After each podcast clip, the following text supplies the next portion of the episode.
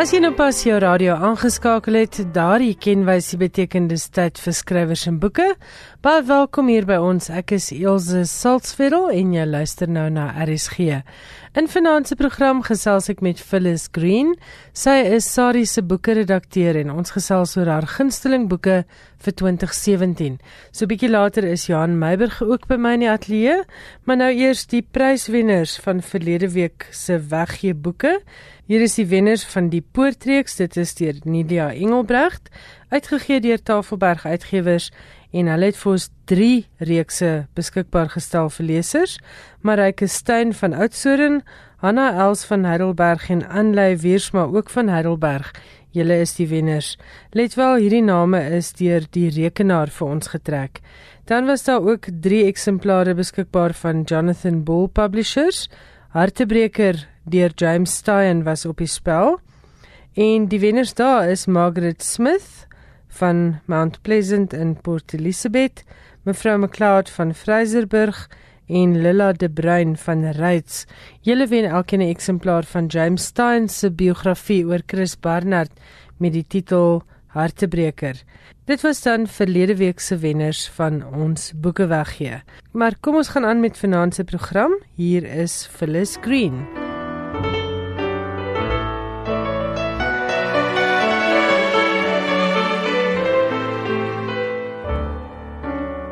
Goeienaand en hartlik welkom by Skrywers en Boeke Phyllis Green.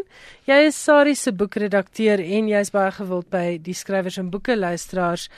Ek vra elke jaar hierdie tyd vir jou om vir ons 'n soort van 'n oorsig te gee oor jou gunsteling boeke van die vorige jaar.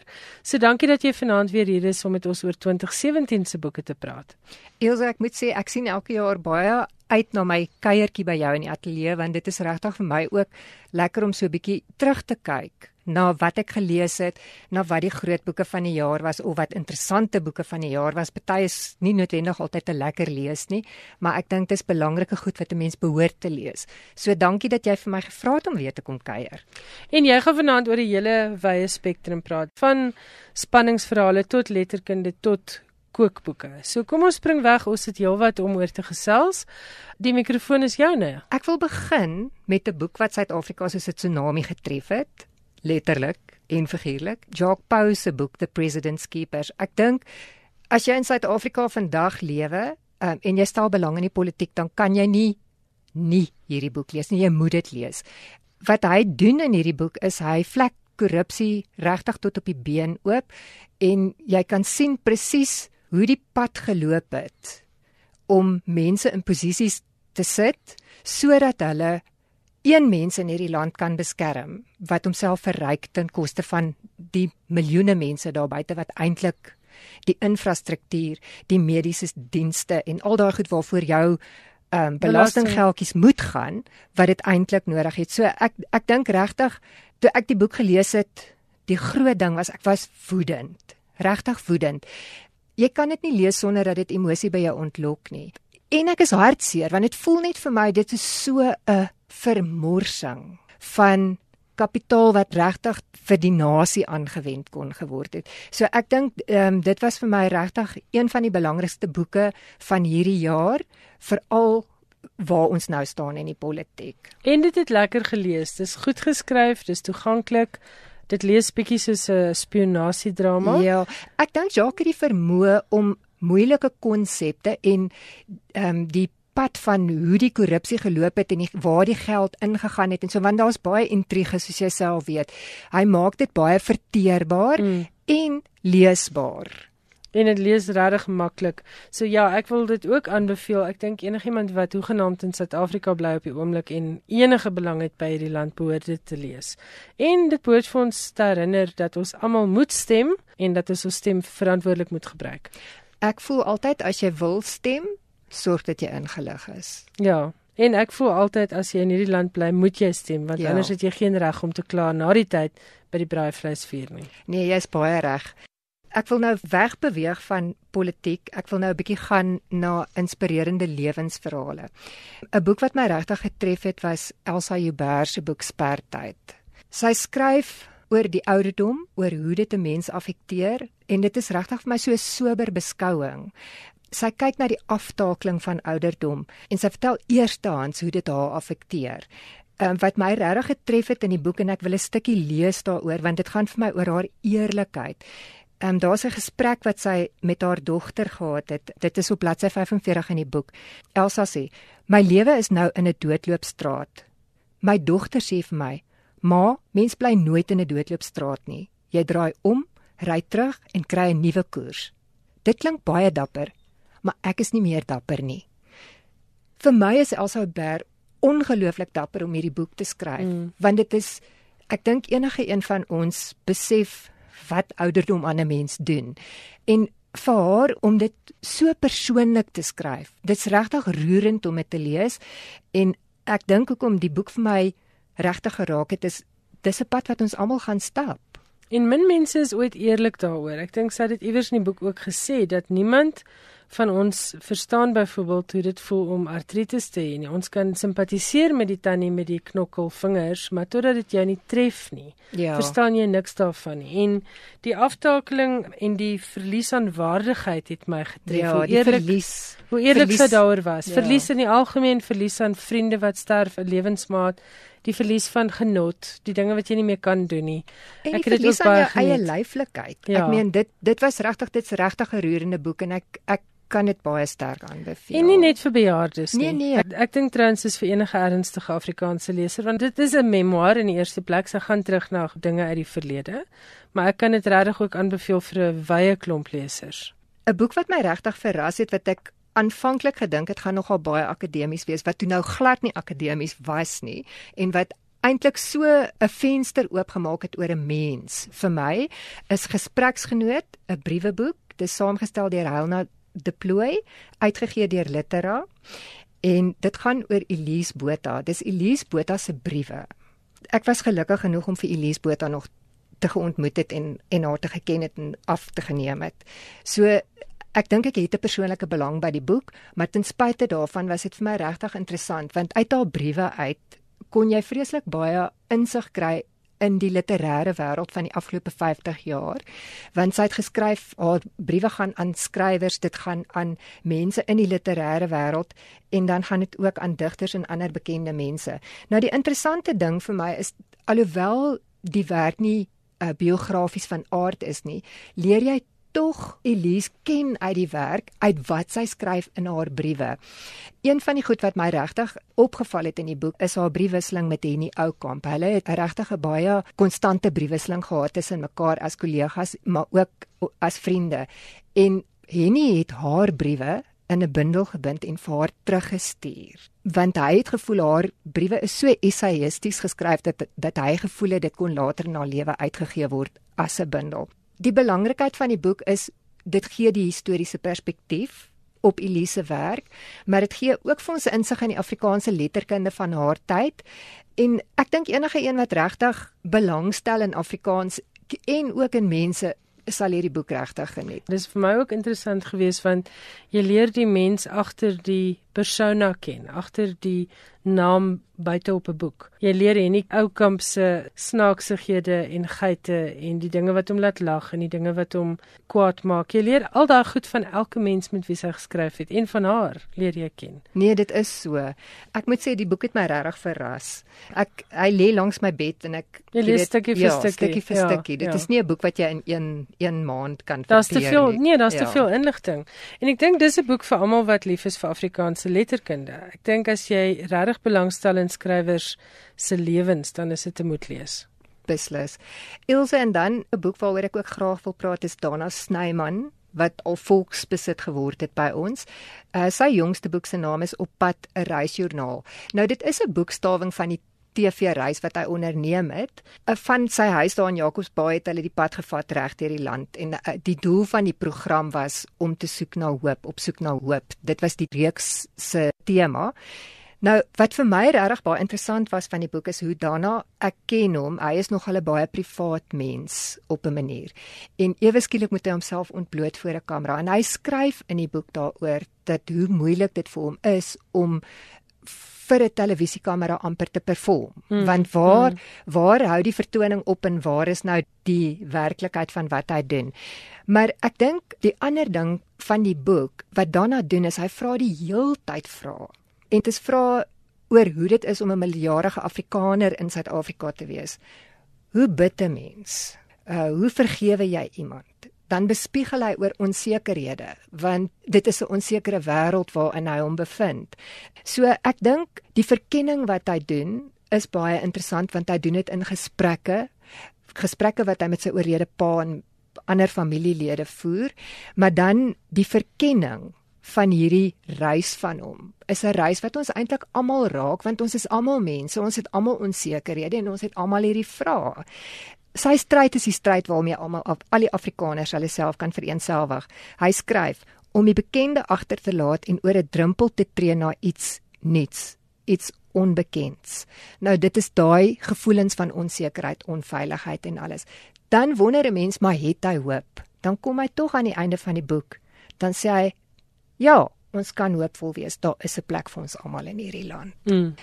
Nou Ilse, ek en jy het al baie oor gepraat. Een van my absolute gunsteling genres in Afrikaanse spanningsverhale. Ja, ek meen dit ja. is vir my om myself te verloor in 'n lekker spanningsverhaal. Daar's my regtig niks lekker nie. Dit is regtig ontspanning en ontsnapping. En ek moet sê nê, ons Afrikaanse skrywers verras my elke jaar hm. met die gehalte van hulle stories wat hulle in in hulle boeke insit. Nou een wat regtig my voete onder my uitgeblaas het, was Skalkskoembie se rooi haring. Dit was vir my net so verfrissende boek plus die bonus is dat kos is mos nou en die wêreld van die celebrity chef is mm, mos nou mm. so absoluut aktueel, maar dis 'n fantastiese storie.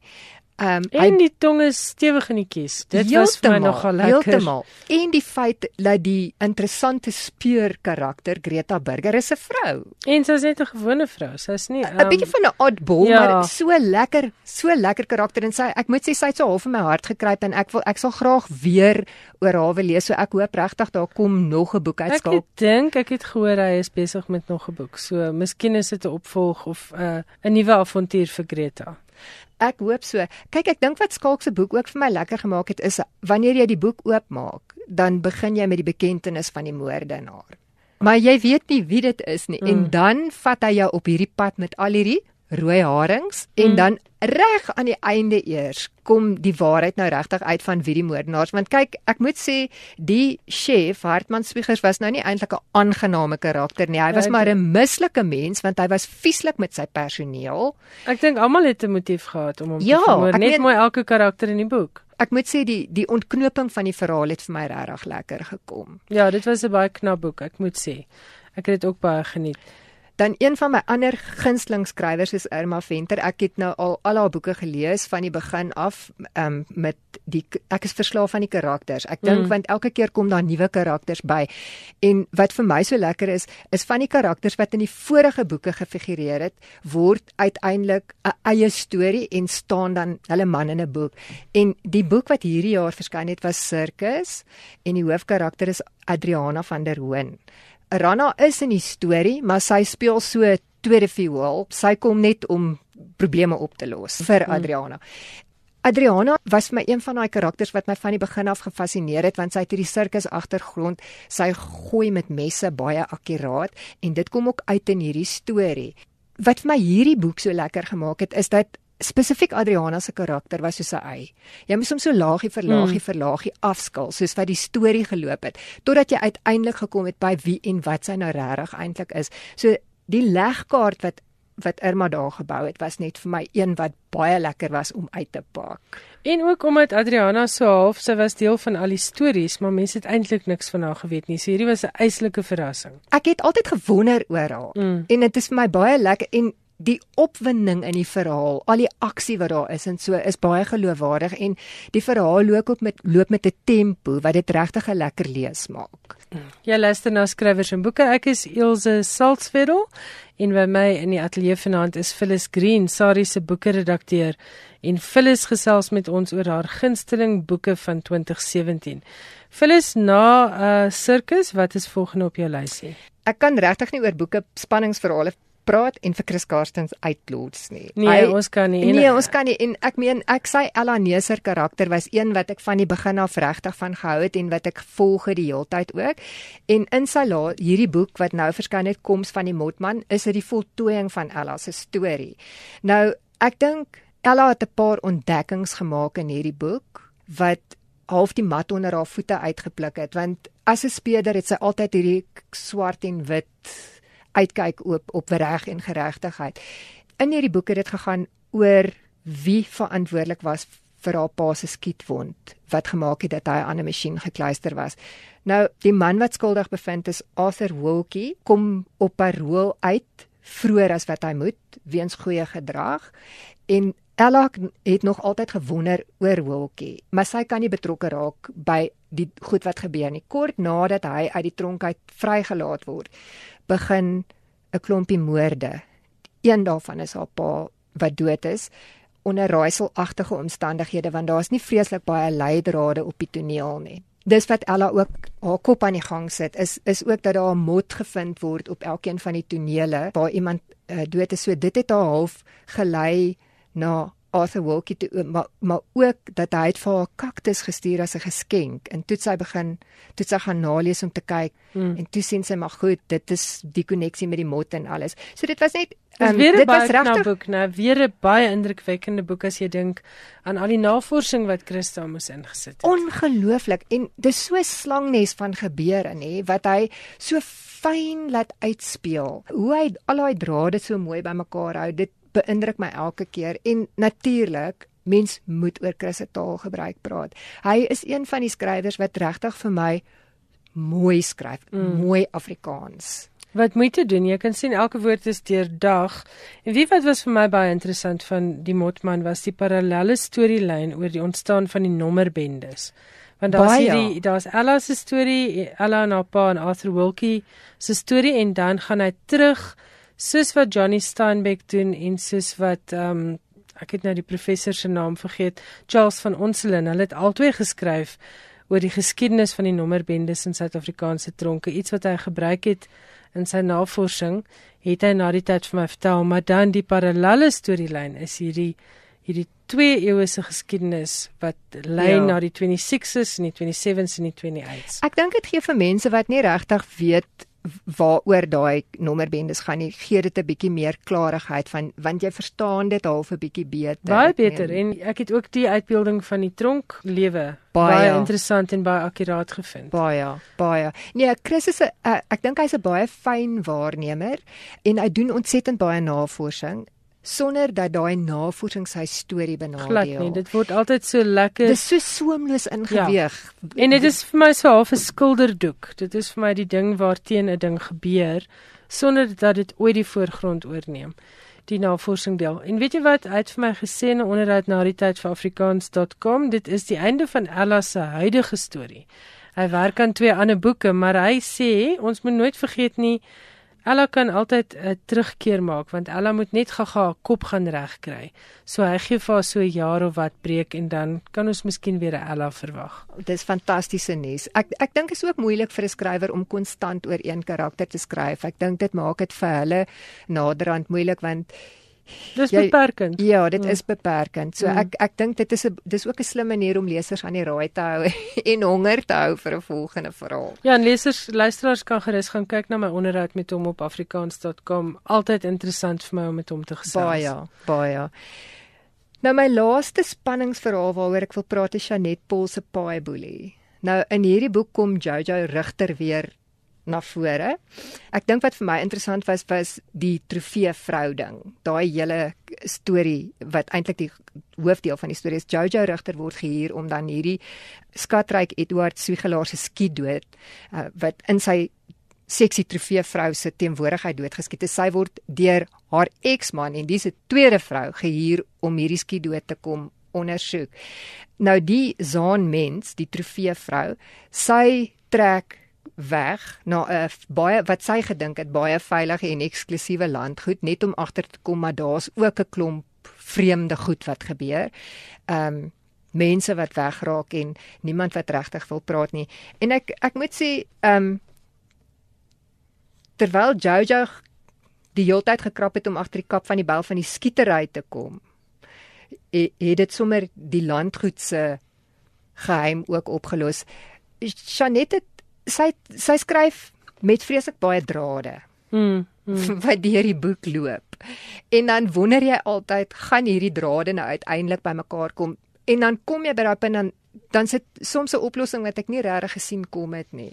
Dit verras my dikwels en dit is dink ek hoekom sy een van Lapa se topverkoper skrywers is, is die feit dat sy haar lesers elke keer verras. Definitief. Want sy skryf so 2, 3 boeke elke 2 jaar en ek weet nie, ek het nie 'n idee hoe sy dit doen en hoe sy die plots bymekaar hou en keer dat die regte mense nie die verkeerde mense vermoor nie. Um dis regtig lekker. Al, ek het al in my stilligheid het ek vir myself so in my kop 'n prentjie gemaak van ek dink sy het so reusagtige groot muurkaart. Sy het nogal nie. Sy sy skryf ek het eendag 'n artikel daar gaan doen. Sy het 'n lieflike um sy noem dit die, die skewe huisie want sy was eienaarbouer en die huis is nie heeltemal oral ewe um hy's nie wat is daai ding die hy's nie waterpas nie. En sy het 'n kaggel vir die winters daar op Stanford en dan kyk haar skryftafel kyk uit oor die rivier, die Stanford rivier. En sy sien byvoorbeeld otters in die water speel en so aan, maar daar's nie daar is nie 'n bord nie. Dit was vir my verstommend. Sy hou daai drade op 'n ander manier bymekaar. Ek dink sy moet baie uitgesorteerd wees in haar kop met haar storielyne want dit is dis regtig 'n klomp goeters wat uiteindelik bymekaar kom en ek moet sê haar karakters is ook vir my interessant want daar's altyd een wat ek dink, "Sjoe, hierdie is 'n lekker karakter. Ek wil 'n bietjie weer oor hulle lees." En gelukkig hulle figureer wel in sommige soos Jojo Rigter. Ja, wat, wat terugkom. Wat terugkom. Hmm. Phyllis, wat is volgende op jou lysie? Kyk Elsje, ek moet ruiterlik erken, ek sukkel soms met literêre boeke want hulle is baie keer net te slim vir my. Ek moet ruiterlik saam met jou erken, ek sukkel soms daarmee. En kan ek nou net vir jou sê, ek was so verras met Etienne van Heerden se nuutste boek, Die wêreld van Charlie Oeng. Ek het daai boek begin en ek kon dit nie neersit nie. Ten spyte daarvan dat dit 'n literêre verhaal is en baie kompleks is, Ek het ek moet saam met jou stem. Dit was onneersitbaar. Storie. Dit was net broeiend en ek wou die heeltyd net weet maar wat gaan nou volgende gebeur. Ek meen dit gaan basies oor Tian Kilian se ouers wat in die verlede op die plaas dood is en uh, hoe en dan gaan soek hy na die Charlie Oong wat nou betrokke was by die South-Chinese. Die South-Chinese. En daai soek tog is fascinerend want in daai soektog kom jy in aanraking met al hierdie hierdie neuwe karakters as ek dit so kan sê. Ehm um, en karakters wat my regtig aangetrek het soos ouma oogies wat glad nie kan sien nie en tog meer kan sien as ander. En dan die ouma voetjies mm. wat se voete ingebind was wat wat fascinerende agtergrond is. En dan was daar die latyn juffrou die Mavis Latsky en dan die lugvaart in Jenny May so ek moet sê vir 'n literêre verhaal was dit ongelooflik leesbaar en ek dink dis dis regtig 'n boek wat enige een wat hou van Afrikaans kan lees want dit is regtig nie bokant enige een se vuurmaakplek nie. Ek dink dis Etienne se mees toeganklike roman tot hede en ek dink enigiemand wat byvoorbeeld hou van 'n spanningsverhaal sal dit geniet en sal dit verstaan en ook die taalgebruik. Die oh, ja. dit is absolute poesie gewees op plekke. Ja, die beeldspraak is net so mooi. Ek ek meen hoe hy sekere goed beskryf en Ek dink wat ook lekker is is daai die wroging van Tian. Dit maak dit regtig net so lekker verhaal om te lees. Ek moet sê ek was regtig aangenaam verras en ek het sommer weer moed gekry vir literêre vir die Afrikaanse letterkunde. Nee, beslis. En die verhaal die verhaal is interessant want hy hy speel af op verskillende kontinente in die eerste plek en in verskillende eras. Jy leer ken Hong Kong, Dis Hong Kong ja, gewees, né? Nee. Ja, Amsterdam en Amsterdam Amsterdam, en dan... die Oos-Kaapse platteland. Jy kry 'n baie unieke blik in die lewe van Hong Kong. Ek het byvoorbeeld glad nie 'n idee gehad hoe dit moet wees om daar te leef nie, maar hy het jou amper sin toe verplaas. Ja. Jy het die ja. drukkendheid gevoel, jy het die jy het Charlie se angs en sy ehm um, vlugtogte het jy beleef saam met hom. Jy het dit deur sy oë gesien. So nee, ek stem saam met jou. Daai boek het my verras en ek dink Dis ook op my lysie van top 10 boeke vir 2017. Dan natuurlik 'n boek wat wat my getref het was Gerda Taljaard se Die Laksman se dogter. Wat 'n juweel van 'n boek. Kyk, ek ken haar skryfwerk van haar vorige skrywes, maar hierdie verhaal het net by my geresoneer. Ek ek dink dis die donker temas wat sy ondersoek. Skuld, um, en vergifnis, verslawing en die dood, uh, selfdood en dan ook moord. En die dun lyn tussen hulle almal. Ja, en ek meen die karakter die die vroue karakter Rosaria wat die verhaal eintlik vertel en hoe hoe sy die die verhaal vertel van haar dogter wat eh, 'n uh, rockster is maar wat hierdie totale verslawing, dwelmverslawing gehad het en en hoe moeilik dit vir haar as ouer was om om daarmee te deel. En ek dink dit is dis ook vir my so aktueel vir die tyd waarin ons lewe en ek dink baie mense, hulle sal empatie hê met Rosaria. Ek meen uh, Rosaria doen 'n ding wat wat ek gedink het, "Sjoe, ek kan nie dink dat 'n ma dit moet doen nie." Sy vra vir Annelisa om uit haar huis en uit haar lewe uit te verdwyn, want sy kan net nie meer hierdie dwelmverslawing en die geliegery en die gesteelery en alles kan sy net nie meer verduur nie. Wanneer Annelisa uiteindelik onder verdagte omstandighede sterf, dan begin Rosaria se groot worsteling want dan kom daai skuldgevoel in van het sy genoeg gedoen en sy begin dan alles wat in haar lewe gebeur het be bevraagteken. Terug tot uh, haar kleintyd. Dis reg. Ja. En ek daai geskiedenis is net so interessant, die ouma se se se geskiedenis. Mm. En weet wat was vir my en Johan Meiburg, ons het daaroor gesels. Hy het, hy het ook gesê Dis die soort temas wat hom normaalweg afskrik van 'n boek, maar ek het die boek blind begin lees. Hy het in my posbus geland. Jy en Elna van der Merwe het hom albei opgesit as julle groot verrassings vir 2017 in 'n onderhoud wat ek met julle vir afrikaans.com gedoen het. Toe die boek by my land het ek hom dadelik net op grond van julle aanbeveling begin lees. Ek het nie eers die flapteks gelees nie. Want as ek dalk die flapteks gelees het, het ek dalk twee keer gedink voor ek hom gelees het en ek was verstom en van bladsy 1 af word jy geboei. Jy is van die eerste Absoluut. paragraaf af deel van die storie. Kyk, ek ek dink die ding van hierdie boek is die karakters gryp mense aan die hart. Jy kan nie jy vroeg saam met hulle om antwoorde te kry nê oor al hierdie goeters wat gebeur in hierdie tergende vrae. En uh, uh, vir my was dit al is dit 'n donker verhaal en is donker temas wat sy ondersoek. Ek het nooit gevoel Oek, ek kan nie verder lees nie want dit is nou net 'n Nee, jy lees die hele tyd agter nuuskierigheid. Ja, ja. En, want dit is hoe daai storie vertel word ja. wat jou aan die gang hou.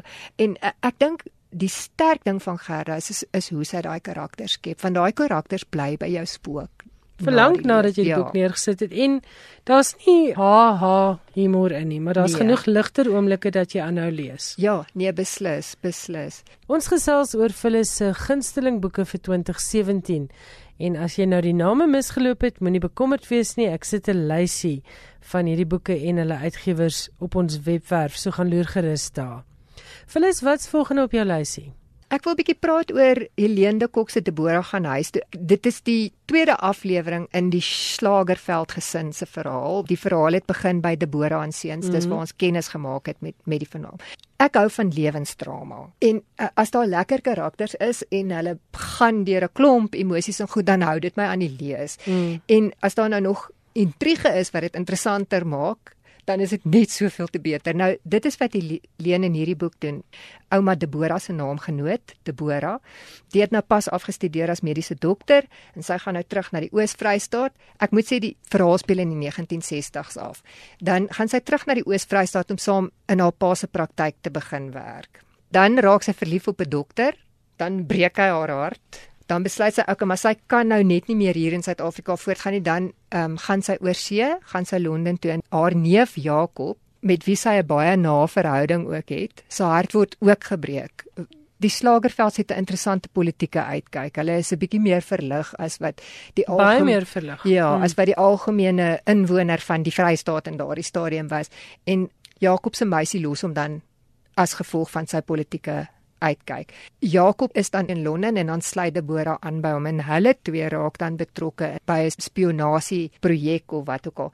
Ek moet sê daai deel van die storie was my fascinerend want daar het ek interessante goeters raak gelees soos Deborah moet haar parfuum verander as sy 'n spesifieke karakter is want as jy in die spionasie wêreld is, reuk word spesifieke ja, reuke word ja. met karakters vereenselwig en so. So dit was regtig vir my 'n heerlike lees, maar ek dink die lekker ding is die lief en die leed van die karakters. Mm. Dis so dis so Suid-Afrikaans en dit is so lekker om hierdie mense se ins and outs Ja, dis 'n goeie beskrywing daarvan. Ek het dit ook baie geniet.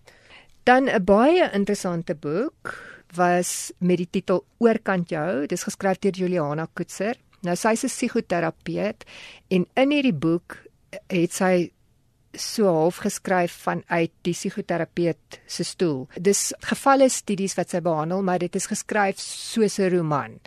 Ek dink eh, mense wat belangstel in die kopgesondheid van mense en ook in die sosiale probleme waarmee ons in hierdie land sit, sal die boek geweldig geniet want op 'n baie verteerbare manier word hierdie gevalle studies aangebied. So jy lees 'n bietjie oor goed soos kindermishandeling, uh trauma, selfbeeld en al daai goed. En hierdie dilemma's waaroor sy skryf, sy skryf dit regtig reg menslik. So dit is 'n boek wat empatie by jou ontlok.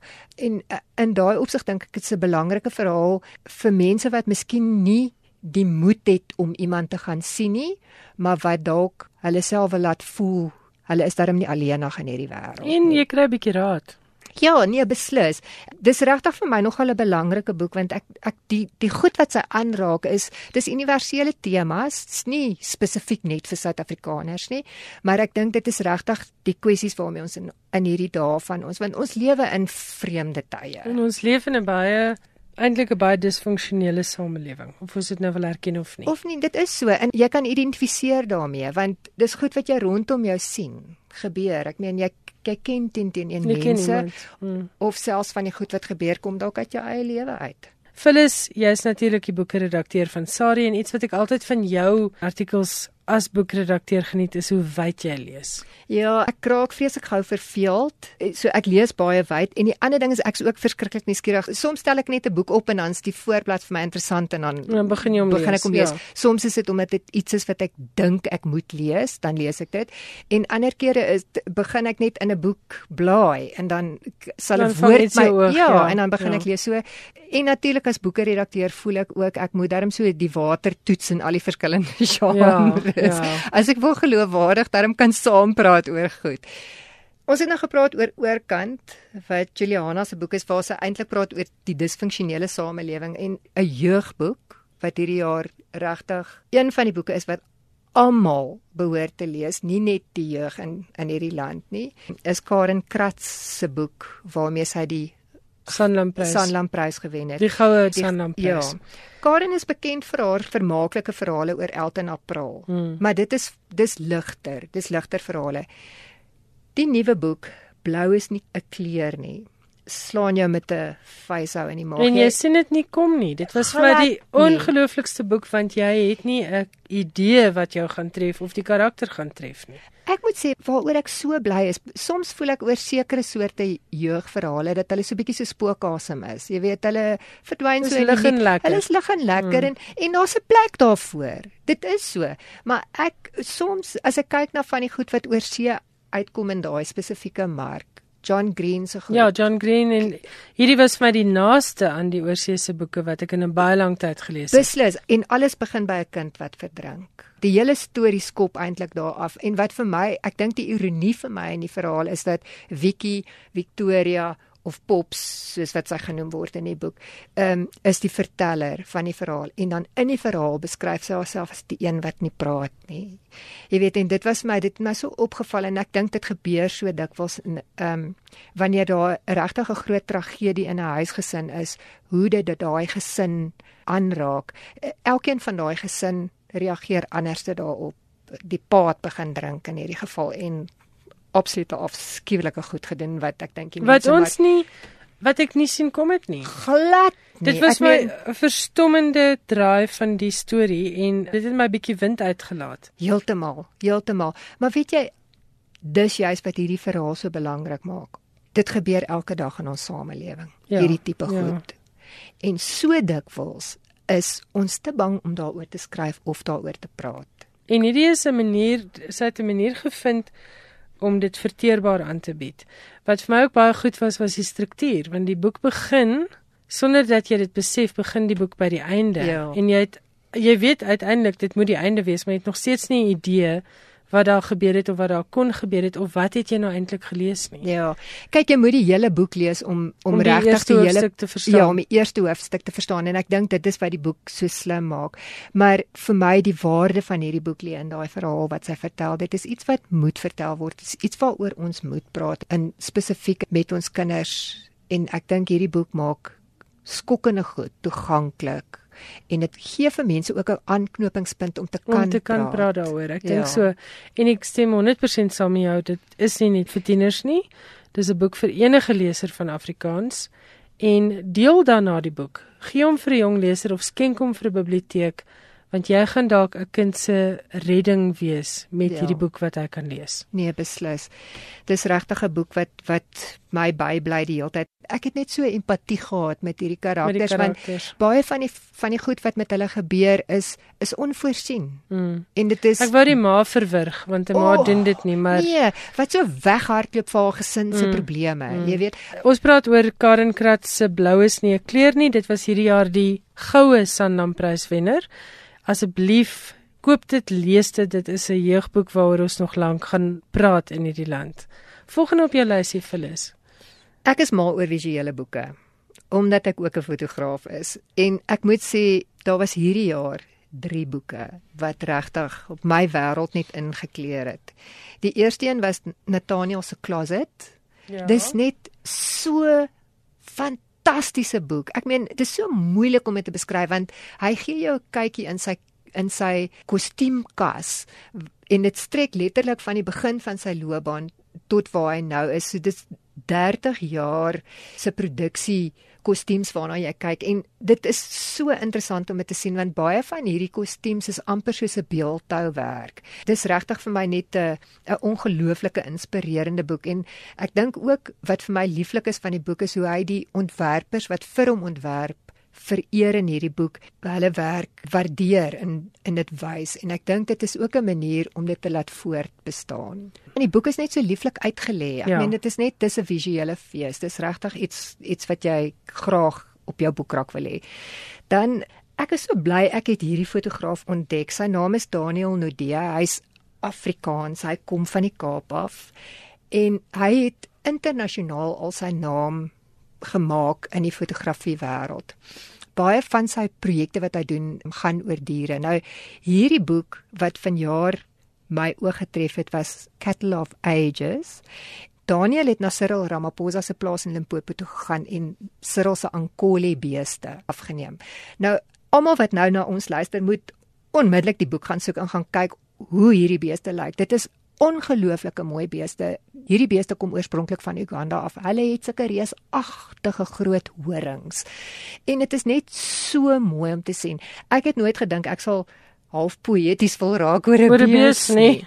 maar as jy na die foto's kyk, elke foto van daai bees hoe hulle staan in die landskap en dit wys ook so baie van die landskap. Dis regtig 'n eh, dis 'n kunsboek.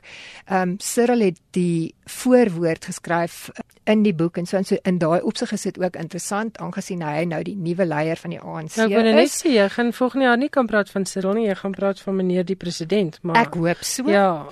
maar ek kan regtig 'n lansie breek vir Daniel, hy's 'n uitstekende fotograaf en dit is wonderlik om sy werk in so 'n pragtboek te sien. Jy het iets gesê van hoe swaar die boek is. Nee nee, dis my volgende boek. My volgende boek is Planet Okavango. O ja, ja ja. Dis Hannes Logner. Dis um, Hannes is een van ons beste natuurfotograwe in die land. Hy het al verskeie pryse, internasionale pryse gekry, onder meer die BBC Natuur um, Lewe Fotograaf van die jaar. Hierdie boek van hom, as jy hom optel, dan kan jy voel maar hier het jy nou 'n boek. boek.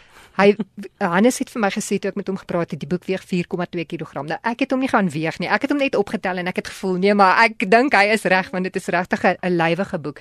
Die boek is uitgegee deur HPH Publishing en ek moet sê, hulle doen van die mooiste natuurboeke wat daar is die sorg wat hulle neem met hoe die boeke uitgelê word, die vloei van die fotos, hoe dit op mekaar volg. Dis regtig 'n lieflike boek. So enige een wat mal is oor die natuur, sal regtig van hierdie boek hou. By meeste van die fotos het Hannes ook so 'n klein stukkietjie geskryf wat net vir jou so 'n bietjie meer vertel van waaroor hierdie foto gaan.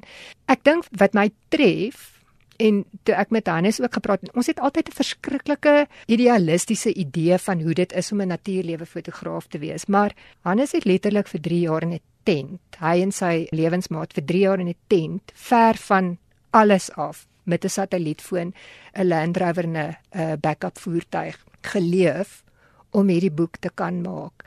En jy word ook nie ryk hieruit. glad Nie nie. materieel nie, maar ek dink jy het lewenservarings wat jy vir geen geld ter wêreld kan verkoop nie. En die ding is, die dokumentasie van die natuur soos dit nou is, is 'n absolute erfstuk vir die res van ons wat nie daar kan kom nie. Ja, ja. Dis so dit is regtig 'n lieflike boek. As jy vir iemand graag 'n baie mooi geskenk wil gee, Planet Okwango is die een om te doen. Ek hou ook van kook, so dis altyd vir my interessant om om bietjie na resepteboeke te kyk. En een wat my wat ek dink wat hierdie jaar wat regtig vir my aangename verrassing was, was 'n rekkie resepte vir kos, die bos, die lewe. Dit is geskryf deur Justin Vermaak en Dou Steyn. Uh wat hierdie boek interessant maak is dis nie net 'n kookboek nie dit vertel vir jou die hele geskiedenis van hoe die rekkies ontstaan het, hoe moeilik dit is om in die veld te leef, op om op daai operasies te gaan en die rol wat kos in hierdie soldate se lewens speel.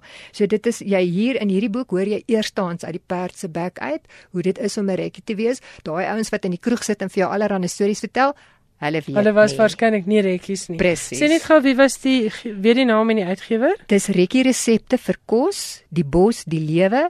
Skrywers is Justin Vermaak en Dou Steyn word uitgegee deur Jonathan. Goed. Regtig die moeite werd om te lees. Nou mens kan nie in Suid-Afrika woon en nie braai nie. Natuurlik. En as jy sê braai, dan sê jy Jan braai. Nou, ehm um, vanjaar het hy Shisa Nyama braai resepte van Suid-Afrika uit uitgebring. Wat hierdie boek lekker maak, dis nie net Jan se resepte nie, dis resepte van mense in Suid-Afrika wat dit na hom toe gestuur het. Hy het dit gestandaardiseer, so dis 'n maklike boek om te om die resepte te maak. Jy hoef nie enige finetjie goeders te gaan doen nie. Jan se maatstaf is om 'n resep in die boek te kry. My pa moet dit kan maak. ja, ja. en en ek dit is wat dit vir my so en ek dink dis lekker om bietjie anders te braai resepte te kry as as net hier's 'n stuk vleis op 'n rooster. Uh, Hy's die pa van nasionale braaidag. ja, maar hy is ook uit hy het hierdie manier om te sê hoeveel krye jy byvoorbeeld moet vat. ja, ja, ja, hy het Um, alles in 'n sopie, 'n 'n koppie en 'n tee. 'n ja. soepie krye en hy, sulke goeders, ja. Dis net ja. so 'n lekker boek. En dan vir die mense wat hou van Michelin ster kos, hy het Jan Hendrik van die Westhuizen se mosbolletjie resep gestandaardiseer en dit in sy boek gesit.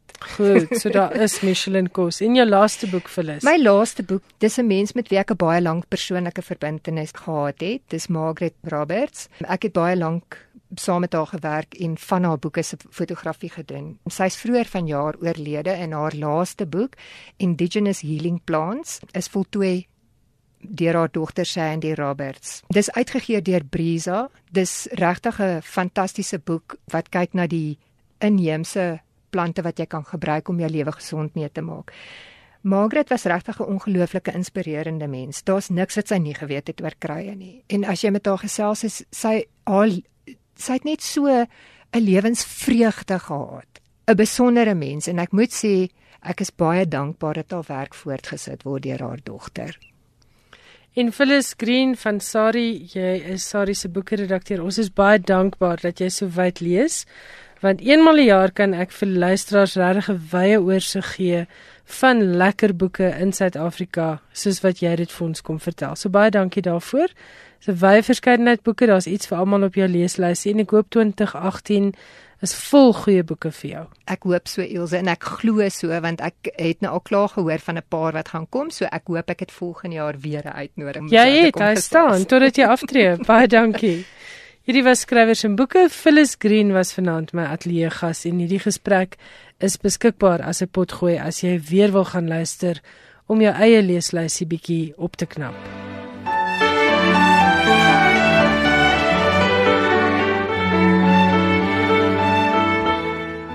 Nou is dit tyd vir Johan Meiburg en sy internasionale boekenuus. Jy begin deur te praat oor Alfred Schaffer. Hy is 'n Nederlandse digter wat by die Universiteit van Stellenbosch Dis is. reg, hy woon al geruime tyd in Suid-Afrika. Goed, wat sien nuus oor hom? Hy het onlangs die Charlotte Köhler Prys vir sy jongste bundel Mens, dier, ding ontvang. Die prys word al om die 3 jaar toegeken aan 'n uitsonderlike roman, digbundel en dramateks. Mens, dier, ding, uitgegee deur De Besige By, is 'n verkenning van die 19de eeuse Suid-Afrikaanse krygsman Shaka Zulu. Die prysgeld verbonde aan die Charlotte Köhler Prys is sowat R250 000 rand en die prys is op 8 September aan Schaffer oorhandig. 'n Mens kan dit skaars glo, maar Amazon se Kindle is reeds 10 jaar oud. Die eerste Kindles was so groot soos 'n slapbandboek met 'n raps minder as 300 gram in gewig en met 'n grys en swart skerm. Dit was egter nie ontwerp om vertonerig te wees nie. Jeff Bezos, stigter en uitvoerende hoof van Amazon, wou hê die leestoestel moes verdwyn, soos hy dit stel, sodat die leeservaring kon triomfeer. Sy vertrekpunt was dat lesers nie agter papier, stukwerk en gom aanlees nie, maar agter 'n verhaal aan. Dis immers die wêreld van die skrywer waarin die leser hom of haar moet kan verloor, het hy aangevoer. Maar meer as leesmiddel is Kindle ook bedoel as boekwinkel. In plaas daarvan om jou rekenaar te gebruik om aankope mee te doen, kon jy dit op jou Kindle koop en onmiddellik daartoe toegang hê. Die Amerikaanse Uitgewersvereniging het bepaal dat e-boekverkope van 20 miljoen dollar in 2006 binne 2 jaar tot 53,5 miljoen dollar in 2008 gegroei het. Dan staan die syfer op 1 miljard, oftewel die Amerikaanse 1 biljoen dollar. In Brittanje, meen Nielsen, beheer digitale boeke sowat 'n kwart van die mark. Maar Kindle het ook ontpop as 'n draagbare uitgewer. Volgens Belker, 'n bibliografiese maatskappy, het die aantal selfgepubliseerde boeke in alle formate in die FSA van 80000 in 2006 tot 800000 verlede jaar gegroei. Dis moeilik om presies vas te stel wat in die Amazon oerwoud aangebeur is, Maar volgens The Guardian is daar mense wat meen dat soveel as 2/3 van alle fiksie vir volwassenes digitaal gegenereer word en dat die helfte daarvan sonder 'n tradisionele uitgewer die lig sien. 10 jaar gelede het Bezos gesê hy gaan die manier waarop mense lees verander.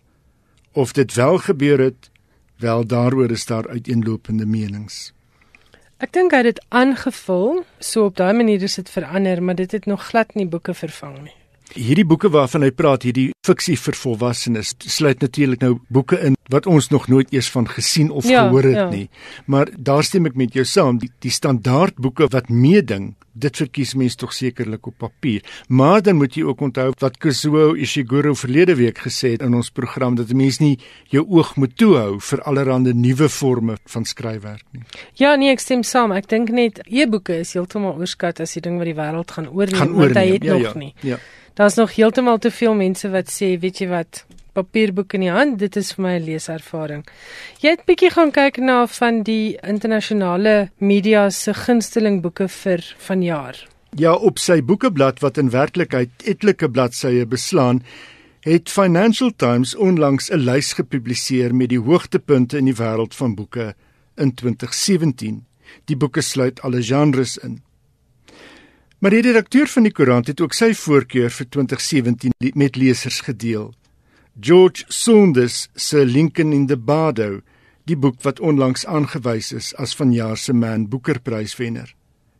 Alec Russell, redakteur van FT, het die boek beskryf as meer as net die boek van die jaar. Dit is ook die boek van die afgelope paar jaar, het hy die boek genoem. Dit gaan onder meer oor die aangrypende leed van 'n pa wat sy kind aan die dood afstaan. Maar wat verstommend is, het hy gesê, is die manier waarop Sonders 'n kaleidoskoop van karakters hanteer. Die boek het hy bygevoeg is des te meer belangrik in die tyd van die hele pre-Brexit limbo. Lionel Shriver, die Amerikaanse skrywer van The Mandibles, het Lawrence Osborne se Beautiful Animals as haar boek van die jaar uitgesonder. Dis volgens haar die hantering van die Midde-Oosterse vlugtelingkrisis wat op so 'n slim en verantwoordelike manier hanteer word wat haar beïndruk het. Edward Enninful, redakteur van die Britse Vogue, het Salman Rushdie se jongste roman The Golden House as sy hoogtepunt uitgesonder. Dis kragtig en uitsonderlik snaaks, het hy gesê. Die agtergrond waarteen die verhaal afspeel is die FSA, spesifiek dan Manhattan, in die aanloop tot die verkiesing van Donald Trump as Amerikaanse president en ook die Amerikaanse identiteitskrisis. Die hoofkarakters is die skatryk Golden gesin wat gedwing word om na 'n reeks terugslae Indië die land van hul herkoms te verlaat.